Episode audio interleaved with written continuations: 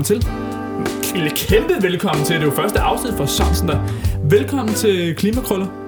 Du lytter til podcasten, hvor vi sluder om alt det, som ikke er så lige til at forstå eller blive enige om, når det gælder jordens klima. Du lytter øh, helt konkret til mig selv, Jakob Fredsbørg Christensen. Jeg har en øh, baggrund i statskundskab fra Københavns Universitet, og ved siden af mig står, sidder, danser Rasmus Løbe Arvelsen. Øh, han er på DTU og geofysiker. Det her, det er jo på mange måder Danmarks øh, førende klimapodcast i Ja, det, virkeligheden. det, det er stort, det her. Ja, det, det, er- altså, hvis man ser bort fra... Altså, Jeg tror, øh, Information har lavet en, ikke? Greenpeace har lavet noget. den grønne støttebevægelse. Grønne Støttebevægelse. Jeg tror også, øh, altså Connie, Connie Hedegaard og Connie, Kat, ja. de, de laver en også. Connie Kat. Ja, det er altså godt. Det, det er verdens bedste nyhed. Så altså, vi er ikke de eneste, de er ikke de eneste, der laver podcast. Nej, nej, det er vi ikke. Men jeg tænker, vi, vi differentierer os på den måde, at øh, det vi skal snakke om, det er ligesom den nuancerede øh, debat. Ja, fordi, fordi Kat og Connie, det er hele tiden altså, store armbevægelser. De, de er aldrig nuancerede. Nej, præcis. Altså det, der er lidt for mange penge bag og sådan noget der, ikke? Altså, hvor vi er, vi er sådan set bare nogle fattige studerende, som siger, hvad der passer os. Og derfor tager vi selvfølgelig også ansvar for, for alt det, vi siger. også alt det, der ikke er rigtigt. Både øh, forkert og rigtigt. Ja, det er rigtigt, det er rigtigt. Så de holdninger, der kommer ud af det her program, altså ring til os, eller vores advokat, eller Jalle, der er vores sound producer. altså, fordi han kan redigere alt muligt crap ud af os, tror jeg. Ja. Og det, det tror jeg faktisk er vores force i det her program. Det er det, øh, vi, har ligesom en god postredigering. øh, og det, det, det, tror jeg kommer også til Det er fordel. også til Danmarks førende, klart. Men jeg tænker, Jakob, skal vi ikke komme til dagens nyhed, inden øh, det Jo. bliver alt for langt og kedeligt at høre på jo, det her? Bestemt, bestemt. Så det, vi har sådan set altid, det skal lytterne næsten lige vide, vi kommer altid til at have en dagens nyhed, som vi på en eller anden måde går, altså går bagom, øh, for at blive klogere på, hvad er det egentlig, der foregår her. Øh, og så senere i, programmet, så får vi en, så får vi en gæst. Så får vi en gæst, og det, det får vi selvfølgelig også behov Kæmpe for. surpriser. Men dagens nyhed, Jacob, det er, at øh, vores allesammens Elon Musk, ham som står bag SpaceX, Tesla og PayPal, han har simpelthen sat 100 millioner dollars på højkant til nogen, som kan finde på en god CCS-strategi. Altså først og fremmest lyder det bare som om, shit, hvor er det en ulige verden, vi lever i. Hvad sker der bare, han bare lige har 100 millioner dollars at stille på højkant? Det er altså vildt nok, ikke? at man har så mange penge, at man kan sige, jamen øh, hvis du finder på noget fedt, så giver dig 100 millioner dollars. Han er sgu ret cool i Ja, virkeligheden. han, han, kan, han kan noget, det kan han. Øhm, men ja, og CCS, det er jo det her Carbon Capture and Storage. Så det er simpelthen en, en øh, ikke en strategi, men en teknologi, hvor man kan tage CO2 ud af atmosfæren eller, eller verdenshavene, og så proppe det ned i for eksempel geologiske lag. Så, så lidt det modsatte af, hvad man gør, når man brænder fossile brændsler af, hvor man tager noget fra nogle geologiske lag, og så smider CO2 op i atmosfæren. Altså det er det, som Mette Frederiksen og Dan Jørgensen satser på, sker helt nede i enden af hockeystaven. Altså dernede, hvor alle de gode teknologier Yes. ligger og er opfundet. Der, hvor vi har sendt alt for meget CO2 ud med atmosfæren og siger, nu har vi det. Nu fanger vi Nu tager vi det hele nu ned igen, sekund. Jamen helt seriøst, jeg tror, det er sådan, det er 4-9 millioner ton om året, ud af i alt 20 millioner ton, vi skal reducere, som de satser på, Mette og Dan, kan ske gennem CCS. Så det er ikke en for sjov teknologi, og de må være lykkelige over, at, øh, at Elon Musk kan lige hoppe med på den vogn nu. Ja, det, øh, det må man sige. Øh, Og hvad skal man sige, deadline for den her konkurrence, den er 2025, så det, det er virkelig en kort sigt, han, øh, han har sat her. Øh, Og jeg tror, det er sådan, at, at, at vinderen ligesom skal kunne fremvise en teknologi, som allerede er klar nu, som kan tage 1000 ton ud af atmosfæren årligt, men så med mulighed for at forstå opskalering at det er jo interessant, hvis man kan begynde at tage den direkte ud af atmosfæren. Jeg tror, at det der er problemet i dag, det er, at CCS-løsninger, der er sådan, øh, at på bare nogenlunde prisniveau, der skal du tage dem fra nogle punktkilder. Det betyder, at du skal tage dem fra en skorsten et eller andet sted. Det kan være ved elproduktion ved et elkraftværk, eller det kan være ved et affaldsværk eller et eller andet. Og problemet er, at de steder, hvor vi har skorstenene, det er ret høj grad steder, hvor vi allerede nu har strategier til at nedsætte øh, udledningerne. Det kan være ved at begynde at bruge øh, vedvarende energikilder, det kan være ved at, at genbruge og reducere vores affaldsmængder. Så jeg tror, at det man frygter lidt herhjemme, det er, at CCS i virkeligheden kan stå i vejen for den bredere bæredygtige omstilling, vi er i gang med. Men det ændrer sig selvfølgelig, hvis der er en super billig måde at tage det direkte ud af luften på. Ja, og det er jo derfor, det er så spændende, altså, for det er jo virkelig en balancegang. Øh, for det er selvfølgelig klart, at nogle teknologier kan, kan bremse udvikling af andre teknologier. Og, øh, og, og penge er selvfølgelig en stor faktor her. Ikke? Hvor, hvor smider man pengene hen? Øh, men ja, jeg er helt enig. Altså, hvis man kunne finde nogle... Øh, der blev forsket virkelig meget i materialer, som har nogle helt andre egenskaber, end, end dem vi kender i dag. For eksempel er der de her øh, atomstrukturer, hvor man simpelthen har, hvad skal man sige, øh, materialer, der er 2D, altså der, det er kun et atom tyndt. Øh, og det vil sige, at det får nogle helt, helt andre øh, strukturer. Og en af de andre øh, materialer, man forsker meget i inden for CCS, det er sådan nogle øh, Metal Organic Frameworks, kalder man det. Øh, og så man kan forestille sig, at nogle af de her, de er simpelthen de har en volumen så lille som saltkorn men en overflade, fordi den er så porøs, så stor som en, en fodboldbane, hvor man så vil kunne fange CO2'en. Øh, og, og så spørgsmålet bare, hvor man, så skal, altså, hvor man skal putte den hen, ikke? Ja, altså, det er jeg kan huske, rigtigt. jeg huske, at da man lukkede, øh, eller ikke da man lukkede olie- gasproduktion, men da man sagde ikke flere kontrakter i Nordsøen, der, der sagde Dan Jørgensen, så håbede han, at vi kunne begynde at pumpe CO2 ned igen. Øh, indtil videre tror jeg, at man satser på, at det kunne blive der 100 år i hvert fald. Jeg tror, man er lidt i tvivl om præcis. Det kommer an på kemien, det kommer an på, på trykket dernede. Men det, man skal huske på, det er, at vi er ude i at skulle omstille vores samfund så det også virker om 100, 200, 300, 400 år ude i fremtiden, for det er også der, man skal risikere virkelig høje, farlige temperaturer. Ja. Så det betyder, at det her, det er nok en løsning, men det skal være et vis lille omfang, fordi der er hele den rigtige transmission af energisektoren, af affaldssektoren, af transportsektoren, af landbrugssektoren, det er virkelig vigtigt, for jeg tror rigtig mange, det drømmer, rigtig mange landmænd, de drømmer om at sådan, okay, måske vi bare kan fortsætte som hed til, hvis det der CCS virker, og det kommer ikke til at ske. Det kommer ikke til at ske, for Nej. så stort omfang virker det ikke. Men øh, det er i hvert fald noget, som jeg tænker bliver super spændende at følge med her de næste 4-5 år. Og se om, om, hvad der ligesom kommer frem af teknologier. Om det er nogen, som bygger på, på det, man allerede har nu, eller om det bliver noget helt nyt. Ikke? Øh, man ved jo aldrig, hvad de kan finde på nede i Silicon Valley. Men, øh, ja, men jeg tænker, du, du har en meget øh, DTU-agtig positiv øh, teknologityrkertro, men øh, jeg er ikke sikker på, at vores næste gæst har det, har det helt på samme måde. Men øh, skal vi ikke bare lukke hende ind? Det synes jeg, vi skal.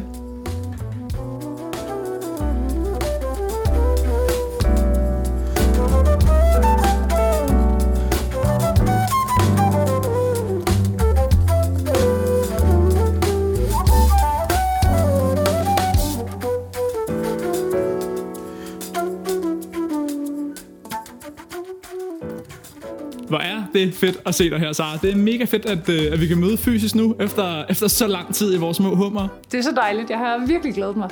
Jeg må hellere lige uh, introducere dig først. Så uh, du hedder Sara Hellebæk. Uh, du har været med til at starte den uh, grønne studenterbevægelse. Du er underviser op på Krogerup Højskole. Uh, rigtig meget i, i demokrati og klima og retfærdighed. Det der står på skoleskemaet der, hvilket er mega cool. Så noget af det, vi gerne vil tale med dig om, det har i virkeligheden været her under corona der har været rigtig meget frygt øh, for, for coronaen, og det er ikke en frygt, som politikerne har prøvet at spille ned. Øh, næsten tværtimod, så har de ligesom legitimeret deres store restriktioner i samfundet på, at det er sgu farligt, og hvis vi skal have bedst nummer til at overleve, så skal vi gøre sådan her og sådan her. Men når det gælder klimaet, og unge har klimaangst, så er de næsten for hys. Altså, så er det næsten noget, hvor de skal lige have ro på, for så farligt er det heller ikke. Og jeg har bare tænkt sådan, jamen hvorfor er det, at der er den her store forskel på, om vi skal være bange for klimaet, og om vi skal være bange for corona. Og det tænkte jeg, når du har så ofte har fat i de unge mennesker, so to speak, at, øh, at du så har nogle overvejelser omkring det. Så det var noget af grunden til, at vi tænkte, det var hyggeligt for dig i studiet. Jamen, jeg har glædet mig virkelig meget, og det er jo også noget, der ligger mig virkelig meget på sinde. Altså, jeg tænker, at det er sindssygt spændende, det du på en måde skitserer med, hvad er det egentlig for nogle udfordringer, vi står over i forhold til at kommunikere klimakrisen. Fordi klimakrisen er øh, på en eller anden måde jo fundamentet for alt liv på den her planet, og det er sindssygt afgørende, at vi forstår alvoren af det. Og jeg tror... Øh, i virkeligheden jo så, at der er rigtig mange læringer at tage ud fra coronakrisen. Altså netop, at vi kan se en helt vild handlekraft i vores politiske system. Fordi det tit bliver betragtet som noget, der øh, er for langsomt eller for stor en tanker, vi skal have vendt. Men det vi har set her er jo både en vanvittig omstillingsvillighed i befolkningen, men også en, øh, et politisk lederskab, der har virkelig sørget for massive forandringer øh, på alle niveauer i vores samfund. Øh, det jeg ikke kan lade være at tænke, som på en eller anden måde øh, synes jeg er helt centralt, når vi snakker omkring klima- og naturkriser, er det her med afstand. Altså, at der ligger noget i coronakrisen, hvor at øh, vi har kunne tale om vores... Øh, ja, de ældre i vores familier, eller de ældre i øh, vores by, eller et eller andet, som vi har et meget direkte forhold til, som vi har et ansvar over for. Og jeg tror, det er noget der, hvor vi skal have gjort klimakrisen øh, nærværende, fordi vi på en eller anden måde eller sådan oplever jeg i hvert fald mange, og siger, at klimakrisen virker fjern, og det er, øh, det er også sværere, når at vi sidder og kigger på grafer, og det er fremskrivninger, men der er jo ingen tvivl om, at det er nu, vi har handlerummet. Det er nu, vi skal have reduktionerne i bund, det er nu, vi skal forstå, hvilken naturkrise vi befinder os i, og derfor er det vigtigt, tror jeg, i virkeligheden at tage læringerne fra coronakrisen. Altså, hvad er det for en kommunikation, der har været? Hvad er det for et politisk lederskab, som befolkningen jo har bakket op omkring? Og kunne det være fedt, hvis der sådan, øh, altså indimellem nyheder og andre programmer i fjernsynet, lige var sådan en klimawarning. Husk nu, skru ned for jeres elforbrug, spar på vandet, alt sådan noget, ligesom der har været, men man ligesom skulle vaske hænder og alt sådan noget. Det ja, ja, men jeg synes, at der er vildt meget i, øh, i virkeligheden, at det vi har snakket om i coronakrisen, jo samfundsansvaret, ikke? Og, i, og der er det helt rigtigt, det tror jeg gælder i alle livets samfundsforhold, eller hvad man siger, at vi har et ansvar hver især, men det er jo, øh, kan man sige, noget, der er indrullet i nogle større systemer, fordi vi løser jo ikke klimakrisen ved, at vi alle sammen sparer på vandet, eller øh, får skiftet til øh, udelukkende sådan vedvarende energi i vores egen lille husstand. Vi er nødt til at se på de helt store samfundsforandringer, der skal til, og dem tror jeg netop, at endnu mere på, at vi kan løse nu. Ikke?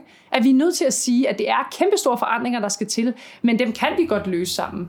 Har der ikke været en ting, der har været lidt ærgerligt over, og det har været, at meget af det her samfundssind, som der er blevet talt så meget om, det har jo været på sådan en national plan. Det handler jo meget om at redde de andre danskere i virkeligheden. Men når det gælder dem uden for Danmark, jamen, så sender vi de dårlige respiratorer, eller så hamstrer vi alle de gode vacciner, eller så begynder vi at bytte dem, vi virkelig selv vil have. Dem bytter vi til de andre, bytter væk. Jeg tænker, har der ikke været en form for nationalisme i det her samfundssind, som ikke kan overføres på klimakrisen, hvor det jo den grad handler om global retfærdighed? Jo, jeg synes, det er spot on det der. Jeg synes, det er i virkeligheden som aktivist en virkelig hård erkendelse. Eller sådan, fordi at klimaretfærdighedsspørgsmålet er et globalt anlæggende, og vi er nødt til at tale solidariteten op i det her. Vi er nødt til at tale det historiske ansvar op i det. Ikke? At det er også noget, der ligger generationer forud for os, hvor at øh, adgangen til viden ikke var den samme, hvor at øh, forskningen ikke var lige så entydig, men vi må også bare erkende, at vi har øh, haft de sidste, altså en helt, helt øh, utvetydig øh, viden omkring klimakrisens alvor i, i mange årtier nu, og der er ikke sket nok. Så derfor tror jeg, øh, tror jeg bare virkelig på, at tiden er inde til, at man godt kan tage læringer fra corona, og så sige, nu må det også overføres på den klimakrise, vi befinder os i. Noget, der har været fedt, tænker jeg, det er, at ligesom med klimakrisen, jamen så en ting, det er teknologien, vi venter på. Jamen det er vaccinen, der kommer. Den anden ting er, at vi er nødt til at lave en masse adfærdsændringer samtidig. Og det er jo præcis det samme, der gør sig gældende, når det gælder om klima- og biodiversitetskriser. Det handler om, at vi skal ændre vores adfærd samtidig. Og det synes jeg ligesom har været det cool, at folk har kunne gøre det. Og så er det selvfølgelig ikke foregået på en bæredygtig måde, forstået sådan, at det mentale velvære er jo faldet markant, især blandt unge. Så på den måde skal vi jo finde ud af, når, hvordan kan vi ændre vores adfærd på en måde, hvor det er holdbart for os selv, hvor vi ikke bliver triste. Øh, og det handler jo meget om, hvad der ligesom er de faktorer i livet, der gør os glade. Jeg tænker også bare, altså der er en gennemgående forskel mellem klimakrisen og coronakrisen. Jeg har i hvert fald selv tænkt på, at okay, coronakrisen, den kommer til at vare et år to år. Altså der har ligesom været en, en tidshorisont, som har været overskuelig, hvor det, det tænker jeg ikke er det samme med, med klimakrisen. Øh, og hvad, hvad, hvad tænker du, Sara, at det, det kommer til at indflydelse på politiske holdninger, eller politiske, hvad skal man sige, øh, handlekraft? For jeg tænker, at det har været meget let ligesom at sige, okay, vi, øh, vi sætter økonomien til siden i to år, fordi det her det skal bare overstås. Hvor det er jo ikke det samme med klimaet. Nej, det er totalt skarpt set, at det hele retorikken har været baseret på en midlertidighed. Og jeg tror, det er der, hvor at sådan, vi så virkelig skal være modige i virkeligheden i kommunikationen, som du også er inde på før, Jacob, med, at det, det her faktisk handler om, er en helt ny fortælling om, hvad det gode liv er. Det er en helt ny forståelse af, hvordan vores øh, samfundsmekanismer fungerer. Vi står over for massiv opkør med vores altså forestillinger om, hvordan verden hænger sammen, og det er netop ikke præget af midlertidighed. Det er øh, kræver vildt meget mod og inspiration og øh, et helt nyt tankegods, der skal til. Øhm, så det er på en eller anden måde meget større i virkeligheden. Og det gør det jo både, kan man sige, mere uoverskueligt, men potentialerne kan jo netop koble sammen med, at vi så også kan sørge for, at der ikke er lige så mange øh, unge, der øh, har forskellige psykiske problemer, at der ikke er lige så meget ensomhed i samfundet, at folk øh, lige pludselig tænker sig selv som værende mere en, øh, ja, det ved jeg ikke, forbrugere i et forbrugssamfund, men nogen, der engagerer sig demokratisk i alle de forskellige muligheder, der er. Hvordan arbejder man med det sådan som, som aktivist? Hvordan skubber man ligesom på den forandring, som er så grundlæggende i virkeligheden, som jo ikke bare handler om et konkret politisk initiativ i forhold til CO2-afgift, men som handler om jamen, hele den måde, vi lever vores liv på, og hvad vi bygger vores værdier på. Hvordan skubber man det ud i den brede befolkning som aktivist? Altså, øhm, jeg vil sige, at vi overordnet gør to forskellige ting. Vi arbejder for sådan, øh, kan man sige, i en realpolitisk kontekst. Altså, vi går ind og tænker, hvordan kan det øh, politiske system, der er nu, skubbes i den rigtige retning. Og der er jo øh, sindssygt mange, øh, heldigvis, forslag og inspirationer at hente fra andre øh, lande. Så noget af det, vi har været meget optaget af i den grønne studenterbevægelse, har blandt andet været et klimaborgerting, og kigger også i retning af et kommunalvalg nu, og drømmen om, at der kommer kommunale borgerting, men at ligesom på en eller anden måde revitalisere demokratiet for at kunne løse klimakrisen. Så det her med at egentlig at komme med ret konkrete politiske indspark. Regeringen har fremlagt en hel masse klimahandlingsplaner, har jo landet de her øh, desværre øh, fuldstændig utilstrækkelige øh, klimaaftaler. Og der må vi jo så stå og sige, de skal genforhandles. I er nødt til øh, at kunne leve op til et 70% reduktionsmål, der ikke er afhængig af teknologier, vi ikke kender endnu. Så der er jo hele det her ben, der hedder, øh, hvordan navigerer vi, eller øh, påvirker vi den politiske dagsorden lige nu. Men så er der også det andet ben, som jeg synes er sindssygt spændende, og som jeg... Øh, synes fylder for lidt i den aktivistiske fortælling, og det er det her med på en eller anden måde det præfigurative felt, eller sådan at insistere på, at den verden, vi gerne vil se, eller den utopi, vi har for, hvilket samfund vi lever i, den kan vi godt eksperimentere med nu. Altså vi kan godt øh, udforske, hvad er det gode liv, hvordan ser den hverdag ud, hvor får jeg min mad fra, hvad for et arbejdsliv har jeg, hvad for nogle fællesskaber er jeg en del af, hvordan ser den bæredygtige rejse ud, hvordan vil jeg gerne, øh, ja så helt konkret, hvordan ser den bæredygtige ferie ud, øh, har jeg mulighed for at tage med tog for eksempel, okay, der er et benspænd i den måde infrastrukturen er i dag, fordi at det er så meget baseret på privatbilisme, okay, kunne vi så ikke drømme om at få en meget bedre styrket kollektiv transport? Eller jeg er sindssygt frustreret over, når jeg bevæger mig rundt i København, at der er reklamer for flytransport over det hele, fordi så bliver jeg bare stimuleret til at tænke i retning af, at lykken findes et sted, hvor jeg kun kan komme til med en flyver. Men så tænke, okay, måske skulle vi forbyde de slags reklamer i det offentlige rum. Så det der med at sige, hvad er det egentlig for et samfund, vi drømmer om at leve i? Hvad er det for et samfund, vi gerne vil give videre til de fremtidige generationer? Og så udforske det. Jeg tror, det er der, der også ligger rigtig meget håb i virkeligheden. Jamen helt sæt. Og det handler desværre jo om så samtidig at skabe mulighed for, at det gode liv er forskelligt fra individ til individ. Fordi selvfølgelig skal man have lov til at spise en bøf, hvis det er det, der virkelig er altafgørende i ens liv, for hvor, hvor glad man er. Så selvfølgelig skal man gøre det. Alt andet vil være umenneskeligt. Men så er der en masse andre, andre faktorer, hvor man kan ændre sit liv på, uden det gør noget. Eksempelvis lade være med at flyve, og det kan være, at man kun har for et barn i stedet for for tre, for det er jo en anden ting, som bliver reklameret rigtig meget for i det offentlige, der er, hvor vi skal have en masse børn, men på overordnet plan, det er jo ikke særlig smart. Ja, altså. det der sådan går på tværs af de der ting, synes jeg er begreb begreber omkring frihed og ejerskab, som vi bare på en eller anden måde er for bange for at snakke om. Eller sådan, jeg synes jo helt fundamentalt, at hvis min frihed sker på bekostning af din frihed, så er det en falsk frihedsforståelse.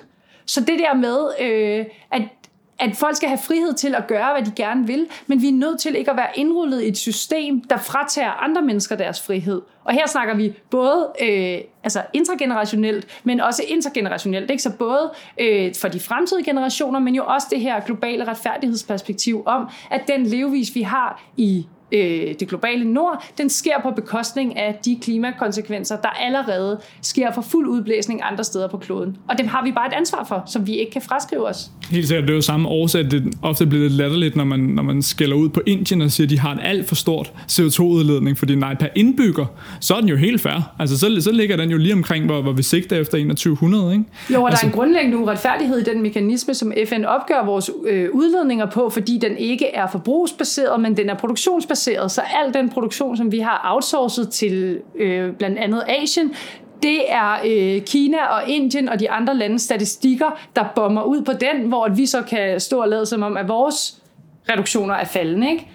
Om helt sæt. Og problemet er, når vi skal ændre, det er jo så hele sådan handelssystemet, det økonomiske system, det kræver jo virkelig meget vilje, og det kræver rigtig mange ressourcer.